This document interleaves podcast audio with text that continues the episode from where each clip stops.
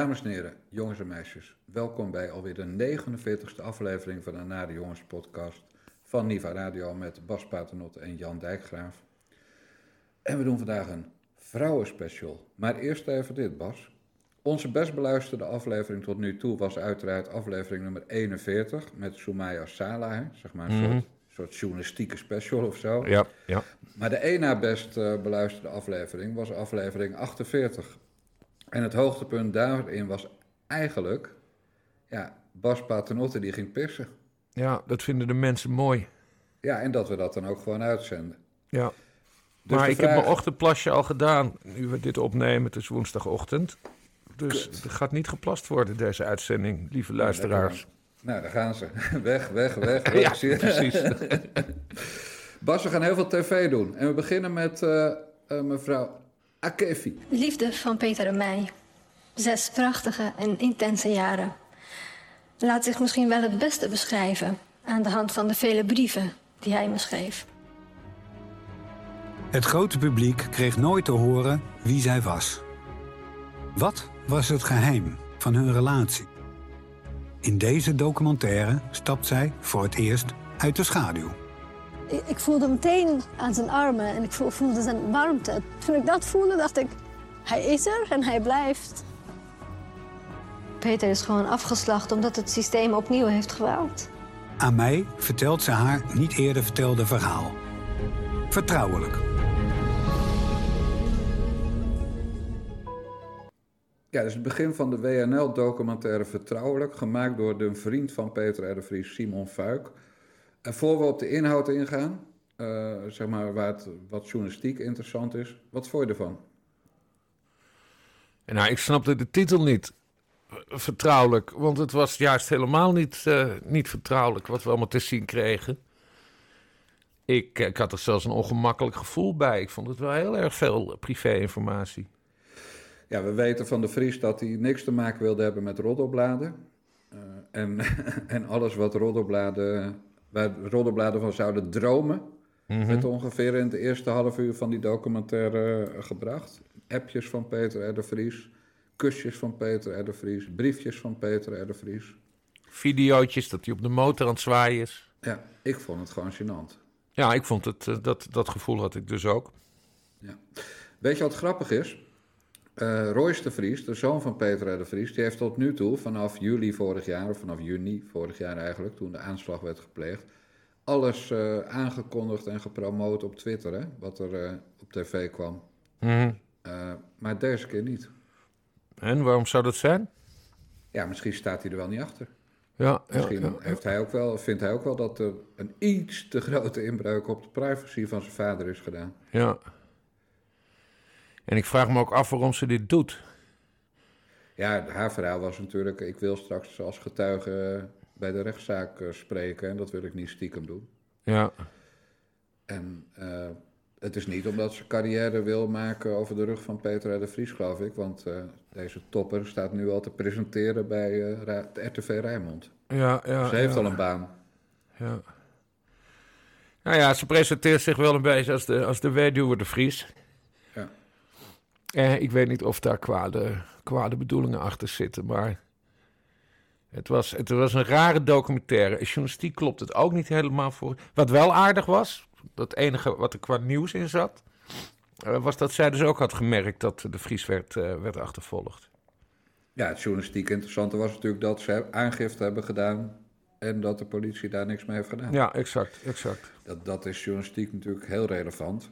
Maar dat had ook in een eh, nieuwsverhaal in de Telegraaf gekund. Ja. Eh, daar hoef je geen uur eh, zoetsappige documentaire over... kijk, ons is het ideale stel en kijk, Peter is een lieve, lieve, lieve, lieve man zijn Ja, te ja. maken, lijkt mij. Terwijl hij dus een hekel had aan dat soort verhalen. Ja. Nee, maar dat, dat Royce de Vries het niet gepromoot heeft, dat is wel een dingetje. En nu blijkt ook dat Yvonne Kolderweijer, dat is een van de Juice Channel mevrouwen... Mhm. Eh, zeg maar concurrent van Jantje Roos en Dennis Schouten met hun roddelpraat. Mhm. Die schijnt al diverse tips binnen te hebben gehad dat het toch iets minder een heilig boontje is, eh, mevrouw Akevi, dan, eh, dan we allemaal dachten na de WNL-documentaire. Ja, en wat dan? Ja, dat gaat ze nu. dat vond ze niet kiezen om, om te zeggen wat. Dus eh ik Jezus, ga het ongetwijfeld nog even checken. Maar laten we één ding vaststellen: hè, hoezeer onze grote vriend Den Aantrekker van Story ook een hekel heeft aan de Juice Channels. Die Mhm. Kolderweijer heeft meestal wel gelijk met wat ze te vroeg naar buiten brengt. Oh, ik, zit, ik zit daar niet goed in. Ik, ik, ik kijk nooit zulke soort dingen. Nou, je hebt, je hebt zeg Wat wel grappig is, dat programma van Roos en die andere jongen... Ja. dat heet dus ook echt Roddelpraat. Dat wist ik niet. Ik dacht dat het een grapje was. Maar Nee, die dat show heet Roddelpraat. Ja, dat is ook een beetje een, juris, een juridische truc, hè? Dat de Juice Channels, eh Juice is ook roddel. Eh, Mhm. Dus dat ze roddel in hun naam hebben. Dat doen ze ook omdat je dan bij de rechter ooit... Want er is nog nooit een proces geweest, gek genoeg in Nederland. Maar bij de rechter kan je dan ook zeggen... Ja, sorry, maar wij zijn geen journalistiek programma. Wij, eh, wij brengen roddels. En Ja. eh, ja, dat zeggen we ook duidelijk. Want wij Net zoals wij, hè. We, daarom hebben we ons niet de lieve jongens genoemd. Wij doen niet aan roddels, Bas. Wat wij zeggen klopt. Nog een grappig aspectje aan, aan, aspect aan die mevrouw Akevi... is dat ik met haar in een tv-programma blijkt te hebben gezeten. Oh, welk dan? Eh, bij RTL Z had je op een gegeven moment eh, elke dag een, eh, een soort eh, discussieprogrammaatje. En daar ben ik in 2016 een keer met haar geweest. En met die viespeuk van D66, eh, die, eh, die vandaag toevallig in de rechtbank weer wat pedo's van de pedovereniging Martijn aan het verdedigen Sidney is. Smets. Sidney Smeets. Het Kamerlid van D66 dat na een paar weken geslachtofferd werd door Sigrid Kaag. Omdat hij met eh, ja, zeg maar dingen deed die net binnen de wet pasten. Maar die, die moreel niet al te fatsoenlijk waren met jonge jongens. Ja, maar waarom zat die Akevi dan in die show? Eh, dat ging over eh, het proces tegen Wilders. Daar was ik voor uitgenodigd en zij blijkbaar ook. Toen had ze dus al een jaren relatie met de Vries, maar goed, dat wist ik niet. Anders hadden we het daar gezellig over kunnen hebben. Maar ik noemde toen het proces tegen Wilders een politiek proces, wat het, wat het ook was. En, eh, en ik denk, maar ik, ik zit eh, in het buitenland, dat kan je ook wel horen. Hmm. Dus eh, ik, in, in het buitenland kan je dat soort fragmenten dan niet terugkijken. En aan VPN en zo doe ik allemaal niet. Hm. Dus als, ik, als ik thuis ben vrijdag, dan ga ik even terugkijken hoe dat, hoe dat programma ging. En, en, en ik neem aan dat ik het met haar oneens was. Ja, ja, ja. Er is ook een foto van ons samen met. Nou, die heb ik natuurlijk afgeknipt. Maar die foto heb ik op Twitter gezet. En dan blijkt dat, dat zij inderdaad een dwerg is. Want ze is meer dan een kop kleiner dan ik. Nou, je nagaan. Oh, dan, dan is ze echt heel klein. Ja. Ja, dat klopt. Ja. Hey, maar het, het echte nieuws was dus inderdaad, er is aangifte gedaan en de politie heeft er niks mee gedaan. Eh, dus als er wel wat met die aangifte was gedaan, had de politie de moord op Peter R. de Vries kunnen voorkomen. Of Ja. hadden de diensten dat kunnen. Eventueel kunnen voorkomen. Dat weet Nee, nooit zeker. Dan hadden ze hem beveiligd. Ja. En, en dat is natuurlijk wel eh, heel erg. Ja. En niet de eerste keer, Bas, zoals we nog weten van Theo van Gogh Ja, pin. en Pim Fortuyn. Ja. Kortom, ze leren er geen reet van. Nee. En als die mevrouw dit ego-document niet had gemaakt, hadden we dat dus ook nooit geweten. Ja. Ja, ik, dus ik zit even... Ik wil naar een conclusie. Nou, de conclusie is dat de politie de, en de diensten wederom hebben gefaald bij het beveiligen van iemand die, omdat hij kroongetuige bijstond in het eh Taghi-proces eh, en omdat er al eh, wat moorden waren geweest in die zaak, iemand die beveiligd had moeten worden. In elk geval op de routes die hij altijd liep, hè, zoals bij dat RTL Boulevard. Ja. Dat is een conclusie. En verder is de conclusie dat we nog heel veel gaan horen van Tamina Akefi. Want ja, die gaat natuurlijk ook nog een boek uitbrengen. Dat ja. daar kan, je, kan je op wachten. Moet ze even een uitgever vinden. Nou, ik zou er niet aan moeten denken. Nee, waarom Nou, niet? Hou nou toch op, man. Je weet toch dat ik helemaal niks had met Peter R. de Vries. Ja, ja, dat is waar. Dat is waar. En ook, dus ik ga er ook niet over huichelen. Ik bedoel, eh, uitstekend misdaadverslaggever. Maar ik had hem als mens niet zo erg hoog zitten als eh, heel Nederland na de moord op hem. Ja, En daar moet je dan ook transparant over zijn. precies. Dus, nou, dan gaan we naar de volgende tv-persoonlijkheid. Mevrouw Kaag, wat, wat fijn dat u hier aan tafel komt. Dank u wel. Voor het eerst. Hartstikke leuk. Hoe gaat het ermee? Nou, goed. Ja, het- ik kijk natuurlijk terug op een, eh, een spannend jaar. Een heel intensief jaar. Maar ook eh, aan het begin in ieder geval heel opgelucht. Wat ik net zei, van we staan er. Mooi akkoord. Veel te lang geduurd. Ehm, een spannende, leuke kabinetsploeg. Eh, en ook voor mij een, een nieuwe belangrijke uitdaging. Ja. Ik, ik kijk trouwens nu even naar die, naar die foto daar op Bordes. Wel jammer dat, je dan net op, dat u nou net op die dag nou corona had. Ja. Die, ja, dat, dat, dat is toch zonde. Ik zie dat scherm nog staan, dat werd dan langzaam weggereden. Dat was echt gewoon echt pijnlijk. Had u zich daarop verheugd? Ja, natuurlijk. Het is wel een bijzonder moment. En het, ik voel me ook een beetje toch een soort moederkloek. Ik heb heel lang gewerkt aan eh, het, het vinden of identificeren van wie zou bij welke post kunnen horen als we gaan regeren. eh, gesprekken gevoerd. En dan hoop je er ook bij te zijn. Maar het komische is met deze foto's. Sommige mensen dachten dat ik ergens in een zijkamertje was van het paleis. Maar dit is eigenlijk mijn eetkamer. Mijn man had nog de lampjes vervangen. en mijn dochter had nog krullers in mijn haar gezet. Oh, dat is nieuw Dat voor mij. moeder er nog Oh, een beetje leuk. fatsoenlijk bij zat. En gelukkig, denk ik, die foto, daar, daar kan ik historisch mee leven. Ja, en ik vind het ook mooi dat u dat dan samen met uw gezin ook een beetje viert. Ja. Dus iedereen was daarbij. Iedereen was erbij. En Ja. wel natuurlijk op afstand. Mijn grootste zorg was of eh, een bezorging van iets wat we besteld hadden... of de honden die gingen blaffen. Ja. Maar hadden we ook allemaal geregeld. Koffie, koffie, tijd. Jezus, wat een kritiekloze bagger, zeg. En zo ging het dus 18 minuten door, Bas, gisteravond. Ja. Jij hebt natuurlijk eh, niet gekeken, want je hebt het debat... eh, Ja, ik zat debat te kijken, maar... Ja. Nee, ik heb het vanochtend pas teruggekeken, want ik sliep al. Maar dit is dus eh 1 februari, zes weken voor de gemeenteraadsverkiezingen, de start, de kick-off van de propagandashow van D66, die ze vorige keer heel veel zetels heeft opgeleverd bij de Tweede Kamerverkiezingen. ja. Walgelijk optreden van boven naar. Ja, ik, ik las je briefje er ook over, waar nog veel meer quotes in staan. Maar hij heeft echt nul kritische dingen gevraagd. Hè? Ja, dat klopt. Ja. hij heeft wel gevraagd eh, AOW, dus liet hij het woord vallen. En toen zei ze, nou, we gaan bij het voorjaarsoverleg gaan we kijken, mogelijkheden, bla bla, nou, bla bla bla bla. Terwijl hij natuurlijk gewoon had moeten zeggen, mevrouw Kaag, 85 miljoen aan allerlei kutfondsen voor hobbyprojecten van GroenLinks en jullie. Geen 2 miljard voor de, onze bejaarden, voor de mensen die dit land hebben opgebouwd. Schande. Net Schande. als hij dat vorige week deed bij al die gasten over de affaire bij The Voice. Ja. Maar nee, dat deed, nee, hij liet er gewoon een lulverhaaltje over voorjaarsnota, voorjaarsoverleg, kijken of we nog geld kunnen vinden. Want we moeten natuurlijk ook een beetje op de centen letten, terwijl ze, Mm. godverdomme, nog nooit meer hebben uitgegeven dan nu aan allerlei kutprojecten. Niks. Geen kritische vraag. Helemaal niks. Buigen, buigen, buigen. En er zat natuurlijk die Michel Vossen weer, die schoonzoon van Pelosi, die zat te slijmen. Oh, Mick god, van Wely. Mick van Wely van de Telegraaf, die zat, nou ik, ik heb hem niet gemaakt, een screenshot, maar die zat bijna verliefd te kijken toen Kaag vertelde over de vreselijke, het vreselijke leed dat haar door die fakkelgast was aangedaan. Want Mick wordt namelijk wel echt bedreigd. En Kaag zat dus te vertellen over gewapende konvooien waarmee ze in Syrië reed. IS waar ze rekening mee moest houden. Maar dit, die lul met die fakkel, die Max van den Berg. Nee, dit was veel erger en angstiger dan ze ooit heeft meegemaakt in al die jaren in het Midden-Oosten. En Boma, ja, ja, ja, vreselijk, vreselijk, vreselijk. Mevrouw Kaag, echt jongen. Fuck bo- boven Ervedoris. Wat een lapswans is dat geworden. Maar dat iedereen zo verliefd op de is ook. Ik snap, ik snap dat niet. Het is toch helemaal geen aardige vrouw in de... In de ook op, op tv niet. Het is allemaal Nee. heel hautain. Hè? Een beetje, beetje koningin Beatrix vergelijken er altijd mee. Dat is het. Ja, het, is, het is eh, Hare Majesteit zoals ze er zit. Met die, met die afgemeten zinnetjes zonder werkwoorden. Vreselijk mens. Echt. Ik bedoel, ik, ik eh, heb geen zin om in de gevangenis te gaan, maar...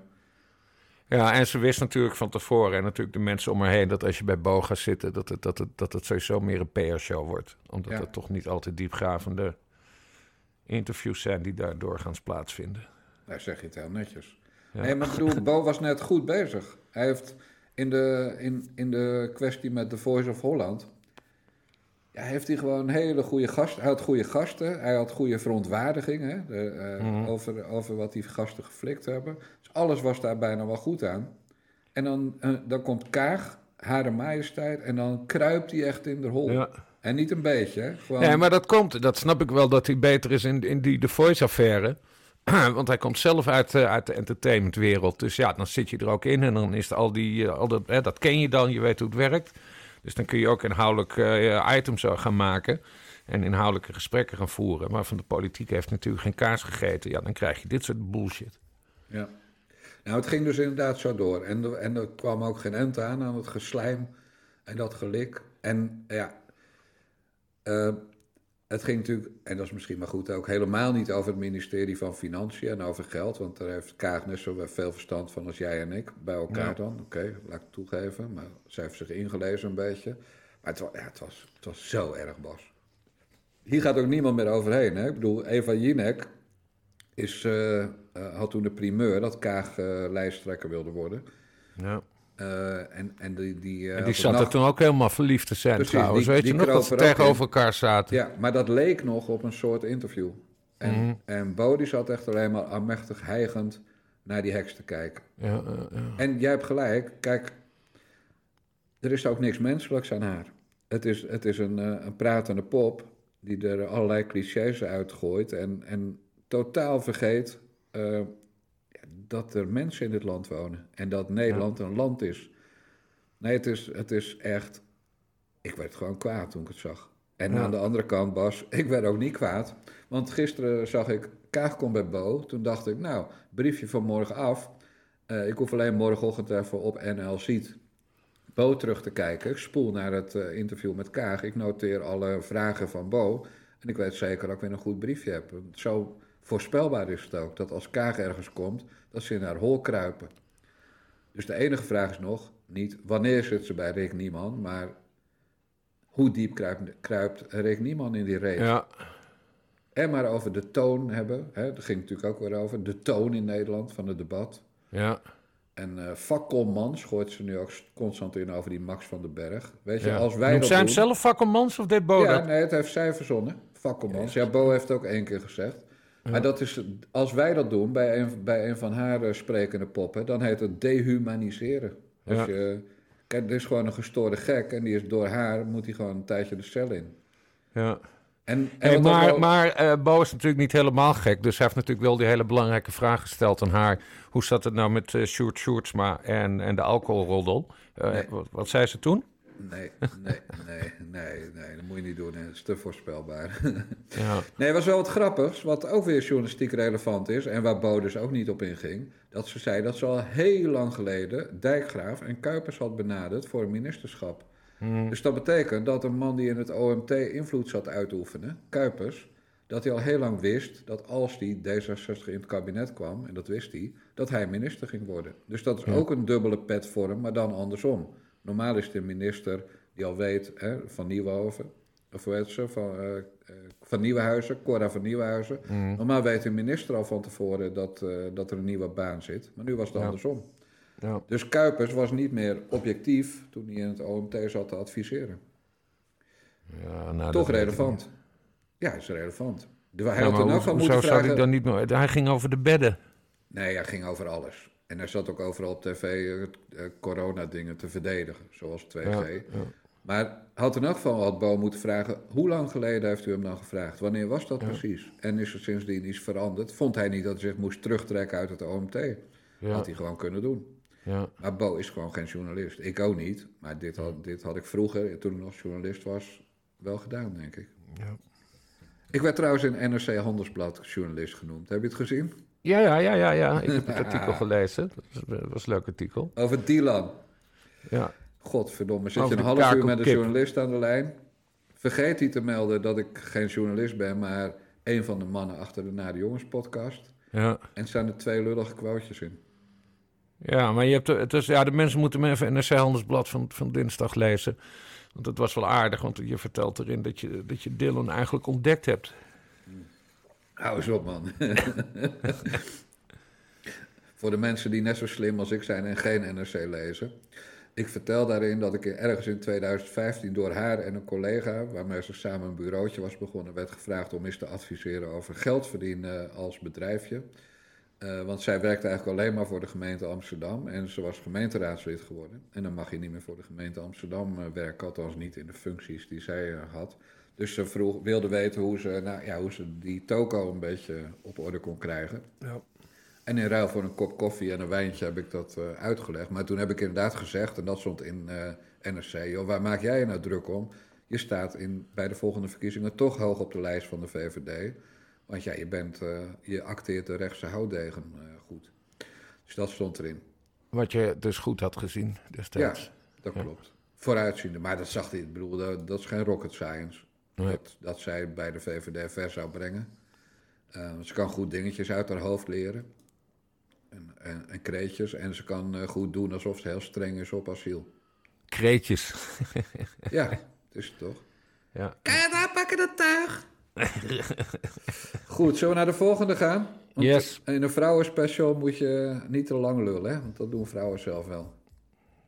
Je gaat luisteren naar Jason Wolters, dat is geen vrouw, maar die was in gesprek met Fidan Ekis in een eh, eh, programma, ik geloof dat De Kantine heet, van WNL op zaterdag.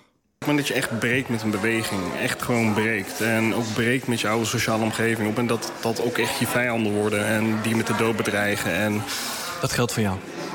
ja, ja ik bedoel, dat, dat zijn standaard dingen die gebeuren. Als je, het is niet alleen...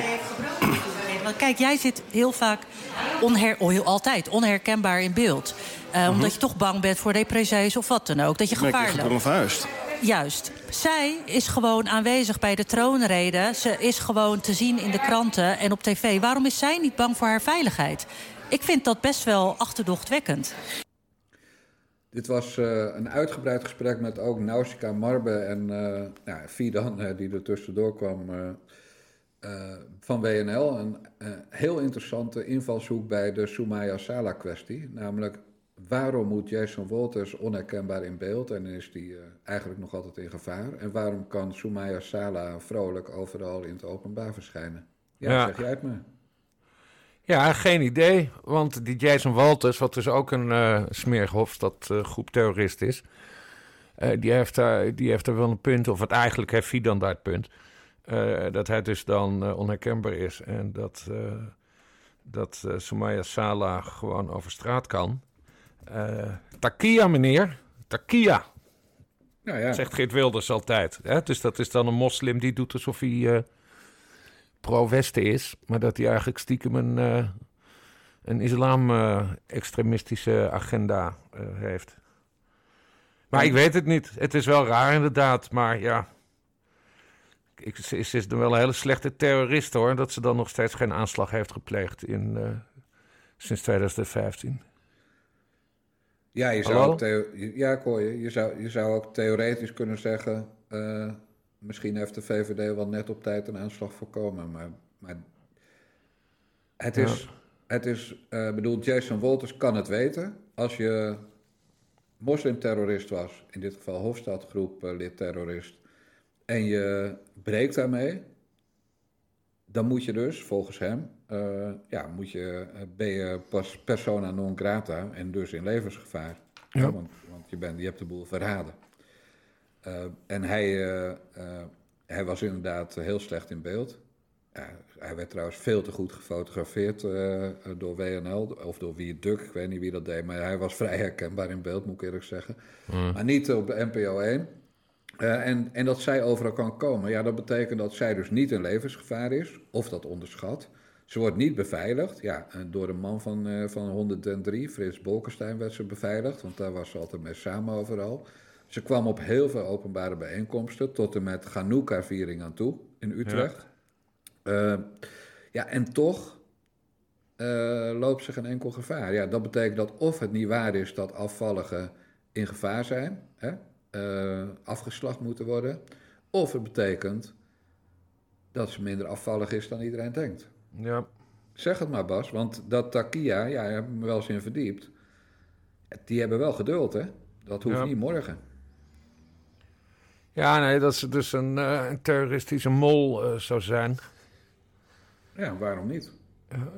Kijk, zij, en, en dan heeft ze nu blijkbaar in eigen kring al heel vaak afstand genomen van het gedachtegoed, maar nooit in het openbaar. En misschien is dat in het openbaar wel de trigger om, om inderdaad eh, target te worden. Hè? Dat zou kunnen, dat weet ik niet.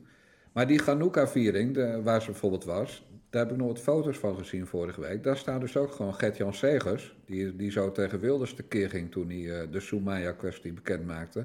En Dylan J. Silvers op. Die waren bij dezelfde Hanukkah-viering. Ja. Dus Bolkestein van de VVD, J. Silvers van de VVD en Segers van de ChristenUnie...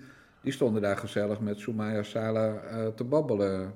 En Ja. met eh, de rabbijn en, en weet ik het allemaal welke eh, nabestaanden van oorlogsslachtoffers, van de Holocaust. Ja. Ja, ik- ik vind het echt steeds bizarder worden, dat verhaal. Oh, dat is trouwens nog aan. aardig. Op de dag dat zij dus opstapte als voorzitter van die themacommissie terrorisme. Toen heeft Geert Wilders nog kamervragen gesteld of ze ook contact had met de AIVD en de NCTV, hè, Nationaal Coördinator Terreurtoestand. Terror, ja. En daar, die vragen die werden gisteren, dinsdag, beantwoord. Wat was En ze heeft inderdaad meermaals is ze bij de NCTV langs geweest. Niet om te adviseren, maar wel om te, eh, te vertellen hoe, hoe haar radicalisering eh, is gegaan. En over de AIVD eh, wil het kabinet niks zeggen, want ze mogen nooit wat zeggen over, over de AIVD. Ja, dus Wilders zat raak met die vragen, want die Ja. waren zo concreet Exact. dat het wel zo moest zijn. Dus ook met de AIVD. Ja, ja, ja. Maar ja, het is inderdaad een beetje een beetje mysterie waarom zij zo eh, blij en vrij over straat kan. Ja. En ze is ook bij Wilders op het torentje geweest met Bolkestein. Of bij eh, Rutte op het torentje geweest met Bolkestein. hè? Ja, ja. Dat heeft hij ook nog ge- gezegd eh, eh, in de persconferentie van vrijdag. Dus, dus zij zat er eh, niet een beetje, maar vuist en vuist diep in. ja en het hart van de macht. Ja, precies. Dus, en, en dan bij de troonrede met Bolkestein. Hè. Mevrouw Femke moest thuisblijven. Femke, eh, de vrouw van Bolkestein, moest thuisblijven, want hij ging al met Soumaya. eh, in 2015. En dat was een jaar waarin er volgens de dienst een extra dreiging was op de dag van de troonrede. Ja, dit, dit, als het eh Takia was, dan is het wel geniaal opbas. Behalve dat, ja, dat er nu dan even een stokje voor gestoken is. Ja, ja, ja. En jij had ook nog iets, namelijk A.J. Boekenstein. Ja, oh, dat was een smerige tweet. Die, die Ulysses Elian, hè, zoon van, Ja, Kamerlid van de VVD... die heeft dus eh, intern bij de VVD gezegd van... ik vind die, eh, die Samaya Sala, dat deugt niet... want ze heeft nooit, eh, nooit excuses aangeboden. En hè, dus dat werd de interne strijd bij de, bij de VVD. En dan sch- schrijft die Boekenstein op Twitter eind vorige maand... Eh, de rol van VVD-Kamerlid Elian eh, in het voor de bus gooien van Soumaya Sala verdient opheldering. Wat ben je dan voor eikel, Boekie? Hoezo verdient dat opheldering? Het is toch heel duidelijk? Zijn vader is bedreigd door de Hofstadgroep. Eh, hij ziet die Sala in zijn eigen partij zitten. Ja, daar zegt hij wat van. Wat is de opheldering? Wat wil je horen, Arend Jan? Eikel. Kan ik echt Ja. boos van worden. En dat heb je natuurlijk naar hem getwitterd, zoals jij bent. Ja, nee, ik heb, ik heb dat allemaal getweet. Want eh, het was, vroeger was het wel een leuke vent. Hè? Ik ben wel eens met hem wezen, wezen eten. En eh, hij is ook een heel groot drinker. Nou, dat is supermooi. Uh, supermooie avond hadden we toen in, eh, in Amsterdam. Eh, maar hij is helemaal, helemaal verzuurd aan het raken. En eh, hij is ook heel erg eh eurofiel geworden. En ja, en nu begint hij die Elian af te zeiken. Ja, dan ben je gewoon een eikel hoor. Tering, wie is hier nou het slachtoffer? Niet mevrouw Soumaya Sala hoor. Nou, dat ziet hij anders. Ja. Maar eh, geen reactie zeker. Nee, nee, nee, natuurlijk niet. Een laffe twat is het. Ja. Maar goed, zijn businessmodel is inmiddels EU geworden, toch? Ja, Pro precies. EU. Ja. En hij vindt ook iedereen die, eh, die anti eh, eh, bijvoorbeeld associatieverdrag met Oekraïne was, vindt hij een, een Poetin-versteer. Ja, ja, ja. Hij is gewoon echt helemaal losgeslagen, die gek. Ja, erg jammer. Want het Ja. was een leuke vent. En doet AJ het nog met die, met die allochtone mevrouw eh, die in de zorg werkte, of niet? Dat, dat weet ik niet. Ja, ik denk, we gooien er even wat juice in. Ja, ik zit helemaal niet in die juice-wereld, maar dat weet jij dan weer. Ja, nee, er was zo'n mevrouw die was altijd heel actief op Twitter. Die is, Mhm. ook, die is wel verdwenen op een gegeven moment, maar daar deed AJ het mee. Eh, maar dan hebben we het ook al over de tijd dat ik nog wel eens een, eh, een hapje met hem had en een wijntje met hem dronk. Ja. Eén keer. Ja, even terugpesten, kom op. Eh, Het is vier, vijf jaar geleden, denk ik, maar eh Ja. boeien. Viespeuk. Nee, die, ging echt, die was zwaar onder de gordel wat hij deed bij Elian. Ja. Goed, ja, het zegt wat over hoe je als mens dan in, in het leven staat, denk ik. Ik weet niet. Het is gewoon heel vies. Ik, ik haat dat. Bah. Ja, kijk, dat hij, eh, hij moest natuurlijk ooit zijn kamerzetel opgeven omdat hij uit de school klapte over een eh, bijeenkomst bij eh eh, Hare Majesteit, Ja, zoals jij haar noemt, oftewel eh, Beatrix. Ja, de moedige vorstin. Ja, en toen vonden we hem nog een soort van stoer, hè, een boekensteintje doen. Ja, Maar inmiddels is het gewoon een, ja, ik zeg het maar gewoon zoals het is, een intens slecht mens geworden. ja, ja. Maar ja, dat is dus een verdienmodel. Ja, daar kan je geld mee verdienen met intens slecht mens zijn. Ja. Ja, of nare jongen. Of nare jongen. Bas, we gaan naar gisteren. En jij hebt een eh, fragmentje uitgepikt met uh, Nicky Verwij. En, Nicky uh, Pauverwij. Nicky Pauverwij. Ja, sorry, ik loop vaak op de zaken vooruit. Hebben we Juice nummer twee. Nee, geintje. Nicky Pauverwij, die gelukkig zwanger stond te wezen voor de interruptiemicrofoon. Uh, en daar stond aan de andere kant een mevrouw die ook uh, gelukkig zwanger stond te wezen. Of gewoon een beetje, uh, net als wij, te dik is van D66. Luister. Mevrouw Pauverwij, ja 21. Nou, dank u wel, voorzitter. Um, ik hoor mevrouw Paulusma een aantal keer, uh, ook in het kader van 3G en 2G, refereren aan dat haar partij het wetenschap heel erg belangrijk vindt. Een wetenschappelijk onderbouwd beleid. Uh, daar herken ik me in, dat delen onze partijen. Uh, nou vraag ik me echter af. vandaag heeft de directeur van de Hans van Mierlo Stichting, het wetenschappelijk instituut van uw eigen partij, in niet verstaande woorden gezegd dat het CTB zo gauw mogelijk afgeschaft moet worden. Hoe weegt u een uitspraak van de directeur van het wetenschappelijke instituut van uw eigen partij uh, ja. in het kader van deze wetenschappelijke discussie. Mevrouw Paulusma. Ja, mevrouw de voorzitter. Ik dacht, wow, wat hebben wij een fijne partij. Dat dit dus kan. Dat je gewoon kritisch met elkaar het gesprek aan kunt gaan en daar zelfs blijkbaar social media voor nodig denkt te moeten hebben. Maar ik dacht, wow, wat fijn. Want we zijn niet allemaal het altijd met elkaar eens, net als in deze Kamer. En daarom ben ik dus ook lid van D66, want dat verschil mag er zijn. Mevrouw Paul Verwij. Dat vind ik op zich een hele mooie weging. En het is inderdaad mooi als er ook binnen partijen discussies kunnen zijn. Maar nogmaals, ik denk dat een wetenschappelijk instituut heel erg goed is in een wetenschappelijke weging maken. Uh, verandert dat het standpunt van mevrouw Paulusma over 3G dan wel 2G? Mevrouw Paulusma. Uh, dank u wel. Ja, mevrouw Pauverwijn, niet naar aanleiding van één tweet. Uh, en ook wij waren kritisch naar aanleiding van het rapport, hadden veel vragen over wat de wetenschap nu laat zien.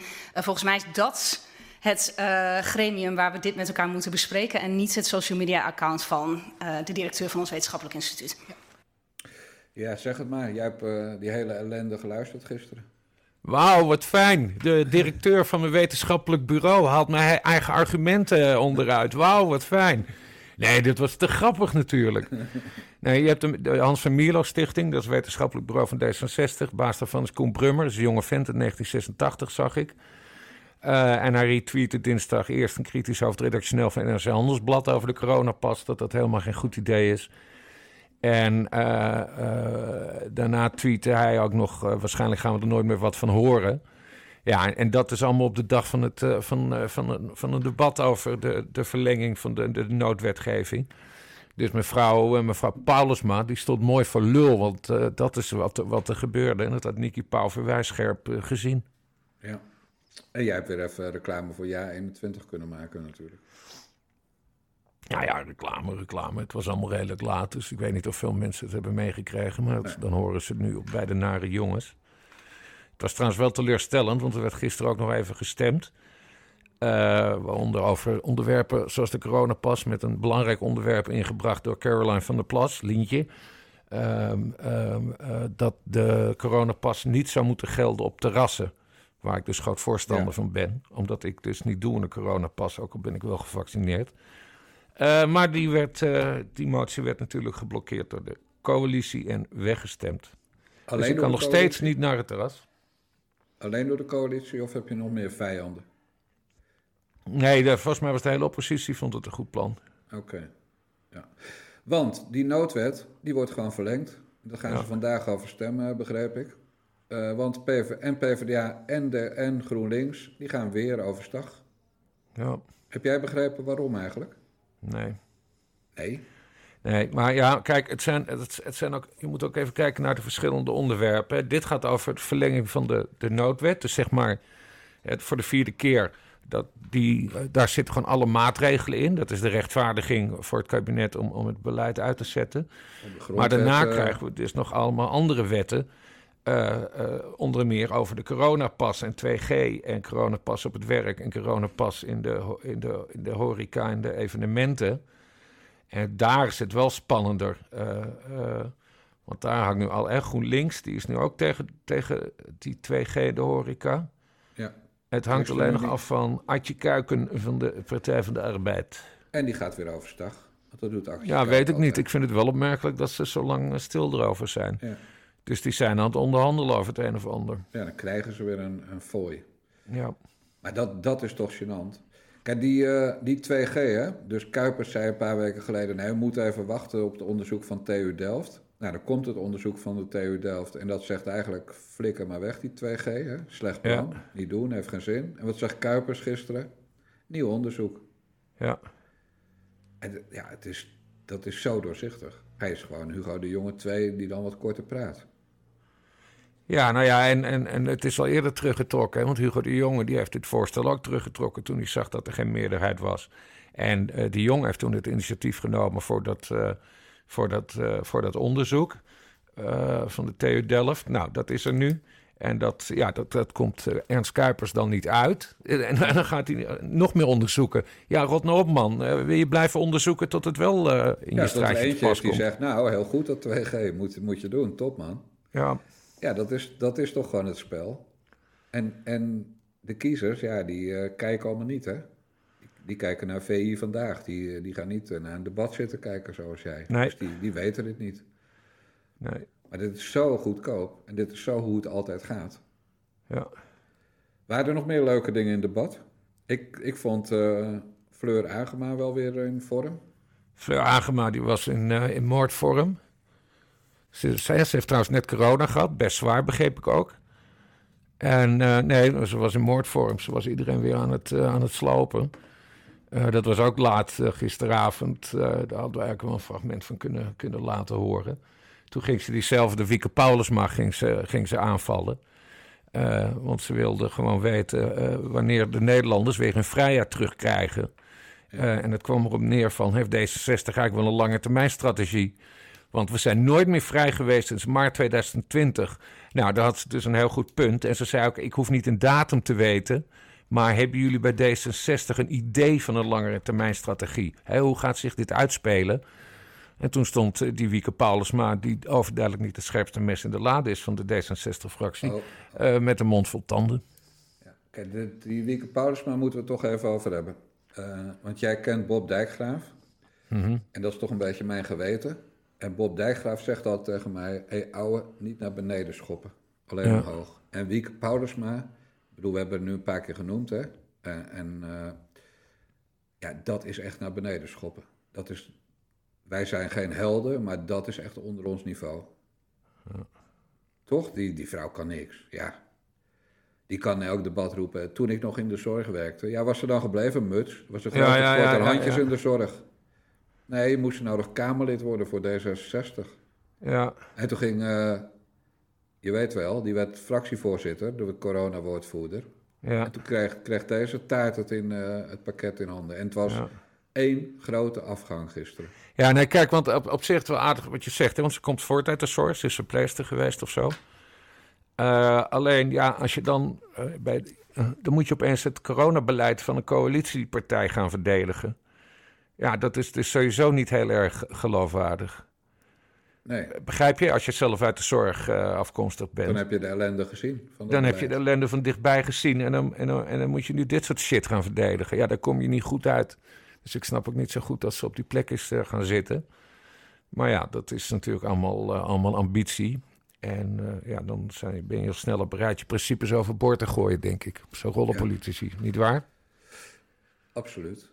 Gemeenteraadslid uit Groningen die de zorg in de steek laat, de patiënten in de ziekenhuizen. En dan zo nodig voor D66, eh, ja, gewoon eh, echt op gemeenteraadslidniveau Kamerlid is. Want wat mij vreselijk irriteerde aan dat mens, is bij elke vraag die werd gesteld. Dank u wel, mevrouw de voorzitter. Eh, meneer Pietersen, bedankt voor uw vraag. Eh, dank u wel, mevrouw de voorzitter. Eh, mevrouw Agema, bedankt voor uw vraag. Dank u wel, mevrouw de voorzitter. Mevrouw... Daar ben je helemaal gestoord van, man. Dat doen ze in de gemeenteraad. Ja, maar dat is ook onervarenheid, omdat het ook een, een, een- methode is om tijd te kopen. Hè? Om even na te denken van wat moet ik in godsnaam nu weer op deze zeer zinnige vraag zeggen. Ja. Nou, nu hebben we er wel genoeg afgezeken, denk ik. Ja. Eh, ja, is dat zo? Even, heel snel mijn geheugen af, hoor, of we nog verder kunnen afzeiken. Ja, weet je wat ze ook heeft? Het Ernst Kuipers lachje. Ernst Kuipers en zij, die, die, die zijn veel te vrolijk. Als je zegt van er is nog een noodwet nodig en we zitten in crisis, dan Ja. moet je niet van die lachende bekken en lachende oogjes hebben de hele tijd. Dan moet je ernst uitstralen. Dan ga je ook niet bij Bo zitten trouwens, maar dat terzijde. Maar dit, zij hebben geen crisishoofd. Kuipers niet en, en die, eh, hoe heet ze ook alweer? Paulusma. Ja, hebben geen crisis. En, je hebt, je- en jouw neef, je, Jantje Paternotte, die had het wel. Die kon, die kon de grootst mogelijke onzin zeggen, maar wel met een heel ernstig hoofd. Ja. En Adje Kuiken, die heeft gewoon de ideale mond in voor, voor een crisistijd. Die heeft echt een coronakop met die hangende mondhoeken. Dat heb je nodig, Bas. En Fleur Agema, de boosheid heb je nodig. Ja, maar Fleur Agema is sowieso de koningin van het hele, hele stel. Die is zo mooi fel en altijd inhoudelijk, hè, want ze zit er gewoon extreem goed in. Ja. Die verdiept zich echt in, eh, in die dingen. Nee, het is gewoon onervarenheid van, eh, van, die, van, die, van, die, van die Paulusma. Ja. Hey, vanaf, eh, ik geloof vrijdag, heb jij het heel druk qua groepen mensen die niet meer op het terras mag. Want dan gaan er iets van 540.000 mensen hun corona-toegangsbewijs, hun groene vinkje kwijtraken. Hoe moeten we dat duiden? Geen dat- idee, maar het is, het is natuurlijk weer helemaal een, een enorme fuck-up. Ja, ik weet het zelf niet hoe die duidelijk. coronapas werkt, want ik heb, ik, heb, ik heb dat dus niet aan meegedaan. Eh, maar ja, op, opeens zijn er dus een half miljoen mensen die hun, hun vinkje kwijt zijn... Omdat, er- omdat er fouten zijn gemaakt met eh, de registratie van hun booster. Dat is het verhaal, toch? Nee, nee, nee, omdat ze nog geen booster gehad hebben. Nou, nog geen booster gehad hebben. Ja, kijk, die booster, daar hoorde je een uitnodiging eh, per brief voor te krijgen. Nou, Mhm. ik kan alleen eh, NS2, maar ik kan over onze situatie in Eesterga spreken. Mevrouw Dijkgraaf kreeg die brief een week of drie, vier nadat ze zelf die booster had eh, gehaald. Ja. Ze had, en ik heb die brief nog nooit gehad. En ik heb wel een booster. Maar een booster, eh, eh, die- de mensen die hem niet hebben gehaald, die wilden hem dus niet halen. Want er was inmiddels gelegenheid zat om te halen. Dus die zeiden, ja, bekijk het maar met je booster. Want mijn corona-toegangsbewijs is toch nog geldig. En zeer kort geleden heeft Kuipers, en dat is natuurlijk weer om in één lijn, op één lijn te komen met andere landen binnen de EU, heeft Kuipers gezegd, nou, we gaan die termijn van geldigheid van de vaccinaties naar beneden halen. En dat betekent dat mensen die dan vorig jaar zijn eh, gevaccineerd voor de tweede keer, of zoals Janssen mensen zoals jij voor de eerste keer en de enige keer, die, die dachten, nou, ik kan nog drie maanden voor ik een booster moet gaan halen, maar die ontdekten opeens vorige week, of deze week, ja, vorige week, als ik nu snel geen booster haal, die goed in het systeem komt, of ik eh, raak niet snel besmet en, en krijg een eh genezenverklaring, eh daar kan je ook een, zo'n code voor krijgen, maar dan is opeens mijn, mijn ding niet meer geldig. Dus dan kan je niet meer, eh, los van dat je niet meer de kroeg in kan, hè, als je dat zou willen, maar je kan ook niet meer op reis. Nee. Naar landen, en nou van niet vliegen. Je kan maar met de auto nog heel Europa doorrijden, eh, zoals ik heb gemerkt, maar je kan niet vliegen. Dus dat betekent dat, dat een half miljoen mensen, ja, die, als ze op pad willen, of als ze een restaurant in willen, of als ze naar de film willen, whatever, die moeten dus alsnog die booster eh, gaan halen. En jij duidt het als een fuck-up, nou, dat vind ik wel een goede duiding. Want het is namelijk gewoon weer een vorm van vaccinatiedrang. Ja. En, hij, wil het dus, hij wil het dus aan Europese wetgeving ophangen. Daarom is hij het aan het gelijk trekken. Dat is zo, ja. Dus we dansen ook nog eens naar de, de dingen van Brussel. Ja, preventief, hè. Dus andere landen doen dit niet, maar wij willen weer, wij, Kuipers, willen weer handje de voorste zijn. Ja. Ik vind het zo walgelijk. Echt. In Denemarken gooien ze alles open, las ik. Ja, goed land. Zou Ja. ik zo kunnen wonen, maar ja, mevrouw Ja, wil niet. hey, die 2G-wet, eh, die gaat er gewoon een keer komen, hè. Dat rapport komt er. Dat rapport wat Kuipers gelijk geeft. En dan gaan, eh, gaat eh, de Partij van de Arbeid weer overstag. Ja. Nou, dat weten we dus volgende week, omdat, omdat Van der Staaij een hoofdelijke stemming heeft aangevraagd. Ja. Daar heeft hij zichzelf een beetje mee in de voet geschoten gisteren, want eigenlijk wilde hij gisteren stemmen. En toen dacht hij, weet je wat, ik maak er ook een hoofdelijke stemming van. Gaat de SGP ook een keer zo'n stuntje maken. Maar vanwege de coronamaatregelen bleek de Kamer dan niet volledig te zijn. Dus daar wordt er nu volgende week gestemd, dat een beetje de spanning eh, weghaalde. Ja, is wel jammer. Ja. En Omtzigt is ook weer on fire. Ja, Omtzigt was ook. Die heeft, heeft een heel college gegeven aan, eh, aan Kuipers over, eh, over grondrechten en coronamaatregelen. Ja. Hij zegt, eh kwam eigenlijk hierop neer van hè, het is een, eh, dit is een wet voor een noodtoestand. Maar we zitten helemaal niet meer in een noodtoestand. Nou, daar heeft hij natuurlijk extreem gelijk. Ja. En wat, hoe reageert Kuipers daarop, op, zulke, op zo'n college? Ja, dat is, dat is wel aardig. Die Kuipers, dat is gewoon een hele kou, hè. Hij is heel vriendelijk, en, eh, maar hij laat zich niet van zijn stuk brengen. Wat je wel zag bij, eh, bij zijn voorganger eh, Hugo de Jonge. Hè, die kon dan ook echt boos worden en die ging dan nog meer praten. Maar Kuipers die geeft gewoon overal heel, heel feitelijk eh, antwoord op. En dan, dan zegt hij, ja nee, het kan niet of het kan wel. En ja, daar komen ze niet echt doorheen. Nee, dus dat is eigenlijk een goede politicus al. Ja, hij doet het in dat opzicht wel, ja. Ja. Hey, wie ik ook goed vond, ik zeg het maar een keer. Zachtjes.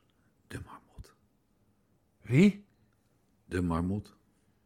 Oh ja, Die opsomming van eh, alle beloftes die... eh die alle het beloftes van Hugo de Jong had hij op een Precies. rijtje gezet. Ja, alle heel- verbroken beloftes. Heel gaaf was dat. Ja, Kan ja, ja, heel goed, heel goed. Nee, je Zo. zag dat op Twitter ook, eh, dat iedereen eh, Gideon Vermeijeren, want zo heet de marmot in het echt, dat Moet ze hem wel Jan goed vonden. hè, want vorige week was dus het debat helemaal uit, de- uit de hand gelopen. Eh, of is dat inmiddels alweer twee weken geleden. Hè? Maar dat hij, dat hij ruzie kreeg met, eh, met alles en iedereen. Dus iedereen hield er een beetje rekening mee dat er misschien weer zoiets zou gebeuren gisteren. Maar het was behalve dan op het eind dat hij weer begon over Klaus Schwab en, eh, het World Economic Forum. was het een, eigenlijk een hele goede bijdrage van deze FVD. Dat Gideon van Meijeren, dat moet van Jan Benning, hè, die we trouwens nog de groetjes doen. Onze meest trouwe criticus die luistert.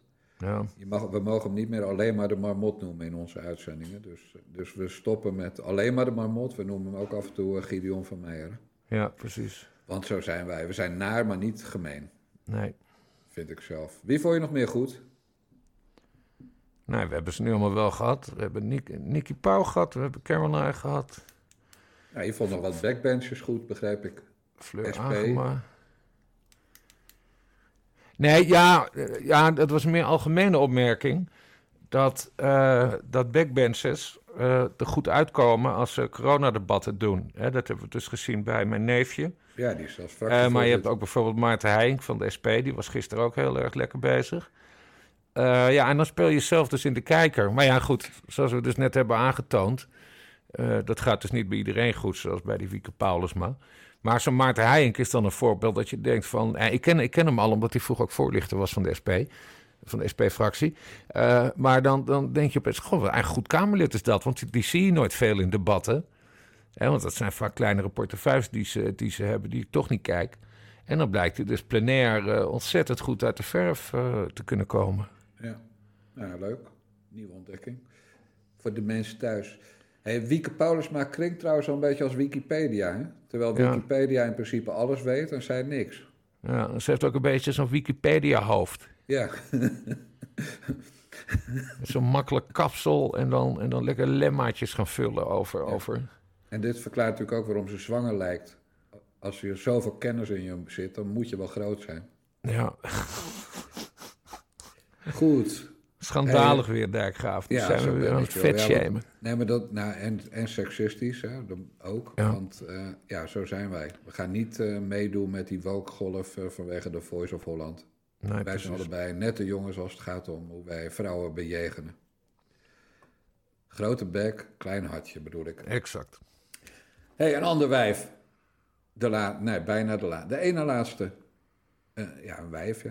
Nou, het is heel duidelijk waar deze wet een onderdeel van is. En dat gaat over een, een, eigenlijk een transhumanistisch programma. Die prikjes, dat is nu vast komen te staan. En dat was eigenlijk al heel duidelijk. Maar nu de EMA, de Nederlandse overheid, de FDA. Ik druk hem gewoon weg. Dat is Willem Engel. Ja. En eigenlijk zou Nederland hem weg moeten drukken. Eigenlijk zou de politie hem met, met het Openbaar Ministerie en een rechter eens een keer weg moeten drukken. Zeg maar een jaartje of zes. En dan, even voor alle duidelijkheid, niet in de gevangenis, maar gewoon meteen TBS. Met dwangverpleging. Ja. Want wat die randebiel gisteren weer flikte, of eergisteren. Twee, dode, twee agenten worden in eh, Duitsland doodgeschoten door stropers. Gewoon uit het niets. Hè. Ze wilden controleren of, eh, of het inderdaad eh, dode beesten in de kofferbak lagen. Ja. Worden in koele bloeden vermoord. En wat zegt Engel? Ja, dat is het gevolg van kleineren en treiteren van de bevolking. Ja, en het is echt een smerig stuk afval, die Willem Engel. Echt, Ja. wat een smerig rat ben je dan. En hij ontkende ook hè, dat hij het had getweet. Ja, dat maakt het nog erger. Ja, dat is natuurlijk allemaal gelul. En al zijn hele aanhang ook van... ja, nee, maar hij heeft het niet zelf getweet. Ja, om- omdat, omdat hij dat zegt, zeker. Dacht het niet, vriend? Nee, het is gewoon een hele vieze vent. Het is een hele vieze club. En hij, is, nou, hij was natuurlijk al door de mand gevallen... maar eh, nu, eh, nu nog meer. Maar hij moet inderdaad, hij moet gewoon verschut gaan. Hij moet, eh, hij moet een keer de cel in. Ze zijn ermee bezig, hè? Want het is een soort mega-aangifte. Ja, door Norbert Dikkeboom. Ook geen frisse jongen. Die is een so- soort op, geobsedeerd door Willem Engel. En die heeft zo'n groepsaangifte gedaan, net als toen tegen Wilders. Dat, je weet, Mhm. daar zijn wij tegen. We zijn nare jongens, maar we zijn tegen groupthink, dat vinden we Ja. eng. Eh, maar goed, die, eh, die aangifte is gedaan, het OM onderzoekt het. Maar weet je, het gaat niet om Willem Engel en die Jeroen Pols, die, die, die cocaïneadvocaat eh, van hem.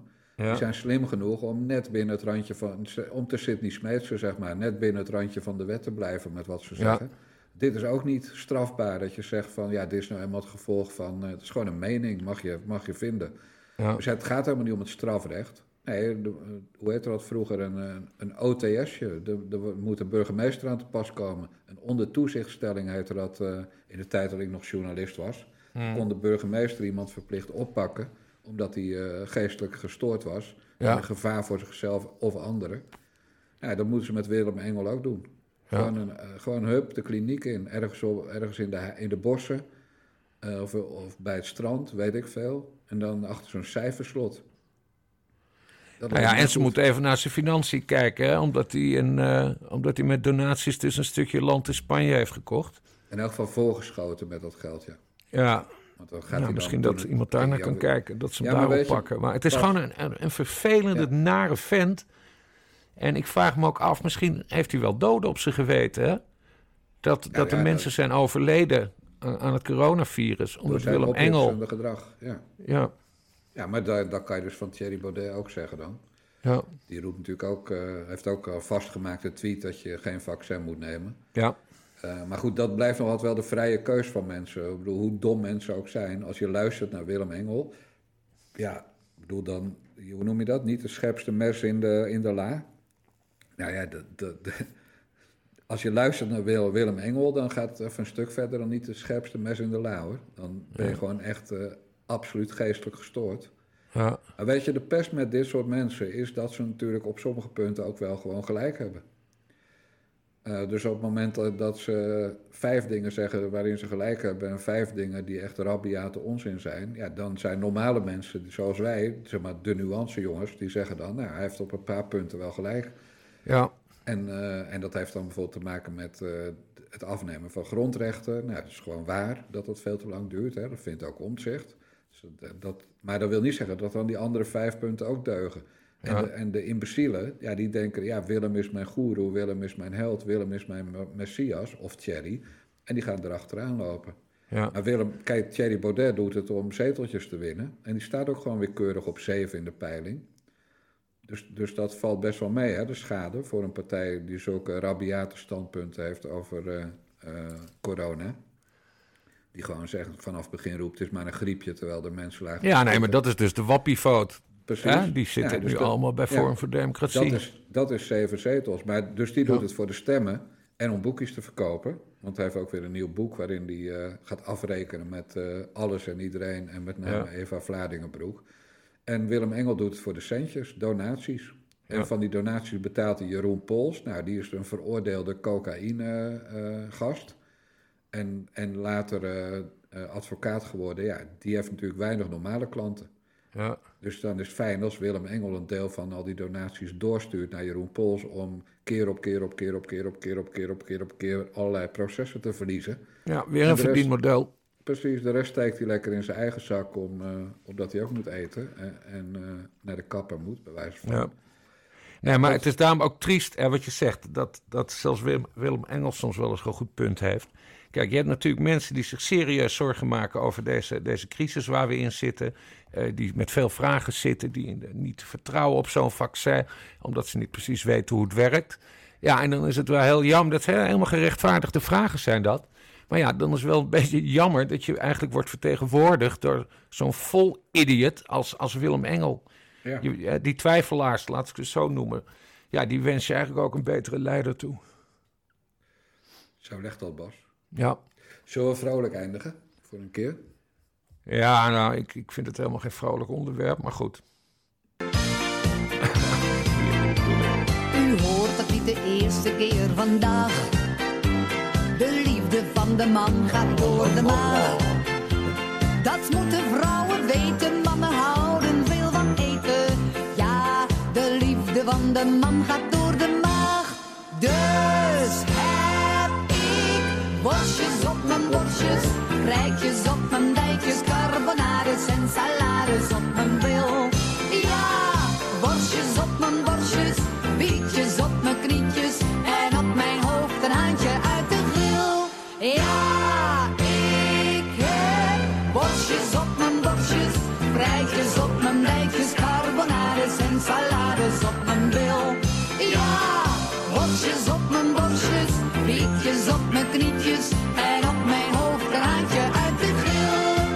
Er zijn dus mensen die dit drie dagen achter elkaar leuk vinden. Ja. Jij ook niet, neem ik aan. Nee. Ria Valk, toch? Ja, Ria Valk. Ooit Ja. nog geïnterviewd eh, voor Panorama samen met Michiel Blijboom in Mhm. onze serie De Heren van Pano. En toen deed ze het met de neef van André Hazes. Oh. Dat is, eh, dat is, heeft, is geen lang leven beschoren geweest. Nee. Maar eh, ja, carnaval is ook weer hot, want ja, cor- corona gaat gewoon door. En, maar ze pikken het eh, in Limburg niet voor de tweede keer dat carnaval niet doorgaat. Nee. In Brabant. In Brabant. Wat vind jij? Nou ja, dat, wanneer was dat? Eh, Carnaval 2020? Ja, toen Dat- begon het. Toen is, het, toen is het begonnen, het is helemaal uit de hand gelopen. Dus ik mag hopen dat de autoriteiten daar wel een beetje, een beetje op letten. Dat gaan ze niet doen. Nee, Want de burgemeesters vinden dat carnaval gewoon eh, moet kunnen. ja. En dan zeggen ze natuurlijk binnen zekere grenzen. Maar die lui in Brabant en Limburg, die gooien zichzelf zo ongelooflijk vol. Dat Ja, dat is drie dagen grenzen- suipen. Nou, die gaan zichzelf echt niet in acht nemen hoor. In, op anderhalve meter van elkaar zitten of zo. En BOA's, die hebben dan geen zin om te handhaven. Dat snap ik ook wel, want die krijgen anders klop. Dus dat, eh, dat wordt heel spannend. Het verschil is nu natuurlijk wel dat er heel veel mensen gevaccineerd zijn als het goed is. Eh, dus misschien hoeven er niet heel veel doden te vallen, zoals toen in 2020 wel gebeurde. Dus ik vind het eigenlijk wel, eh, wel spannend. Want ik denk ook niet hoor, dat je, je kan dit soort dingen niet meer verbieden, want dan, dan, dan, gaat het, dan gaat het mis. De mensen zijn er klaar mee. Nee, maar ja, dit is toch inconsequent. Of het is vanaf nu overal in het land weer carnaval. En je stopt gewoon met al die maatregelen. En iedereen mag overal polonaise lopen, suipen en, en wat iets meer zij in elkaars Mhm. buurt. Zonder mondkapje. Of je handhaaft net zo streng als op alle andere plekken. Ja. Je kan niet de horeca boetes geven van 4000 euro, een, een, een simpele MKB-ondernemer, en vervolgens in, in carnavalstijd eh, je ogen sluiten. Kijk, ik geloof dat Max Pam een eh, column daarover heeft in de Volkskrant vandaag. Nou ja, waar ik het mee eens ben, kut, dat is al de tweede keer in korte tijd. Mhm. Maar die, die benadrukt ook heel erg, ja, daar is de ellende wel begonnen. En er werd toen al gezegd in, eh, in 2020, carnaval is, houden is niet zo slim. En we moeten eigenlijk, dus, dus de eerste eh, coronawinter, zeg maar, we moeten geen, eh, we moeten geen carnaval vieren. Ja. En, en toen brak in, eh, in het zuiden dus wel de pleuris uit met coronagevallen. En toen vielen er dus heel veel doden. En waarom viel dat mee, dat aantal? Want het viel wel mee. Eh, omdat het eh, windkracht 12 was. Mhm. Heel veel carnavalsactiviteiten gingen niet door. Optochten bijvoorbeeld, omdat het zo stormde. Ik weet niet of je dat nog herinnert. Maar de meeste mensen weten dat niet meer. Ja. Maar daarom viel het wel mee. Want anders was het veel en veel erger geweest. Ja. Maar we kennen allemaal die, eh, toch denk ik nog wel, die verhalen uit Brabant en Limburg van eh, dat, dat halve dorpen omvielen aan corona. En Ja. dat was niet eh, de griep zoals nu dat Omicron. Dus of we vertrouwen erop dat het allemaal niet zo erg is en dan is het nu kappen met al die maatregelen. Of we zijn voor die Brabo's en die Limbo's net zo streng als voor de rest van het land, vind Ja. ik. ik, ik ben, of ben ik dan weer dom? Ik lees die column nu even. Dikke bruls, drie bier. Ja, eh, het is Max Pam, hè, die column. Ja, Max Pam, ja. Hij eindigt met dikke vinger in je reet, dikke vinger in je keel. We hebben scheid aan het hele zorgpersoneel, alaaf. Ja, dat is, vind ik sterk. Ja, nee, eh, sterk, sterk. Ja, ik heb er, ik heb er geen mening over, omdat ik carnaval sowieso kut vind.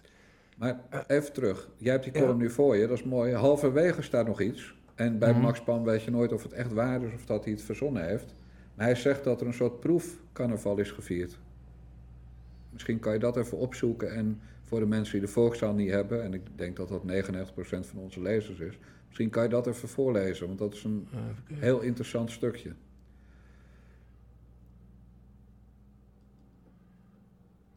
Hij is nu niet pissen, mensen. Dus misschien is hij wel pissen, maar dan doet hij Nee, nee, ik ben helemaal niet aan het pissen. Hij is aan het zoeken. Oh ja, als u er discreet over bent, wil ik wel verklappen dat de Brabantse burgemeesters het afgelopen weekend op een kleine schaal een proefcarnaval hebben georganiseerd in Oeteldonk. Dankzij een bevriende relatie heb ik beelden daarvan toegespeeld gekregen.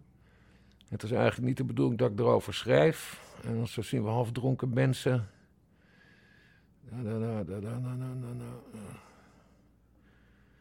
Nou, dat weet ik niet. Dat zal hij wel verzonnen hebben hoor. Ja, ja dat, dat kan. Maar aan de andere kant, de rest van zijn column is zo levensecht. Ja. Maar waarom zou hij het verzonnen hebben? Waarom is het niet waar? Want, want zijn column heeft dat helemaal niet nodig dat hij dit verzint. Nee, maar omdat hij leuke zinnetjes kan schrijven. Als eh, de ziekenhuizen liggen chocky vol, krijgt de rambam met je anderhalve meter. In je bilspleet zit een veter. Dat is een stijlfiguur. Is een stijlfiguur. Nou, ja, oké. Nou goed, dan gaan we ervan uit dat in Den Bosch geen proefcarnaval is gevierd afgelopen weekend. Maar als het wel is, is het echt een, eh een waard. Hè? Want er is eh, honderden miljoenen besteed aan die, dat eh, testen voor toegang. Ik weet niet of je Ja. dat nog herinnert. Eh, volledige faal was dat van Hugo de Jonge. En dan zouden ze nu dus stiekem dit weekend ook een soort testen voor carnaval hebben gedaan. Ja. Nou, als dat waar is, joh, dan, en, dan... En het kabinet weet daar dus van. Nee, maar goed, het wordt sowieso even, even los van dat, want we weten het helemaal niet zeker. Kijk, het wordt natuurlijk, het is sowieso een hele grote test wat ze gaan doen. Met enorme risico's gaan ze lopen. Ja. Goed. Bas, Ben je wel eens op carnaval geweest? wat Ik denk jij nooit. nou? Hou nou toch op, man. ik ben sowieso geen... eh, bij mijn favoriete feestjes, eh, daar komen echt niet meer dan 30 mensen hoor, moet ik eerlijk zeggen. Ja. Ik ben niet zo'n zo'n feestneus zoals jij. Nee, absoluut niet zeg. Ik moet er niet aan denken aan dat carnaval. Allemaal die gekke kleding hebben ze. Nee, oh man. Al dat gehos en maar suipen. Bah. Als je nou moest, hoe zou je verkleed gaan dan? Weet ik veel, als Elvis. Net zoals Hubert Bruls, die gaat ook altijd als Elvis. Nee, nee, nee, die doet elk jaar wat anders. Toevallig Oh, oké. heb ik dat gelezen. Die, die gaat ook wel eens als banaan. en ik denk dat als hij echt humor heeft, dat hij dit jaar echt als dikke gehaktbal zou gaan. Ja. Maar hij heeft geen humor. Of als oliebol. Ja, want dit is de man die Geert Wilders in de cel wilde hebben. Ja. Dit was alweer de 49ste aflevering van de Nade Jongens podcast van Niva Radio. Onze website is nivaradio.nl. Doneren kan bij de Nade Jongens podcast op tpo.nl, via nadejongens.backme.org of via bunk.me slash nivaradio. En jullie weten het, dit was aflevering 49. Na aflevering 52 beslissen we of er naar de jongens blijven komen. Dus doe je best. De mazzel. Doei doei.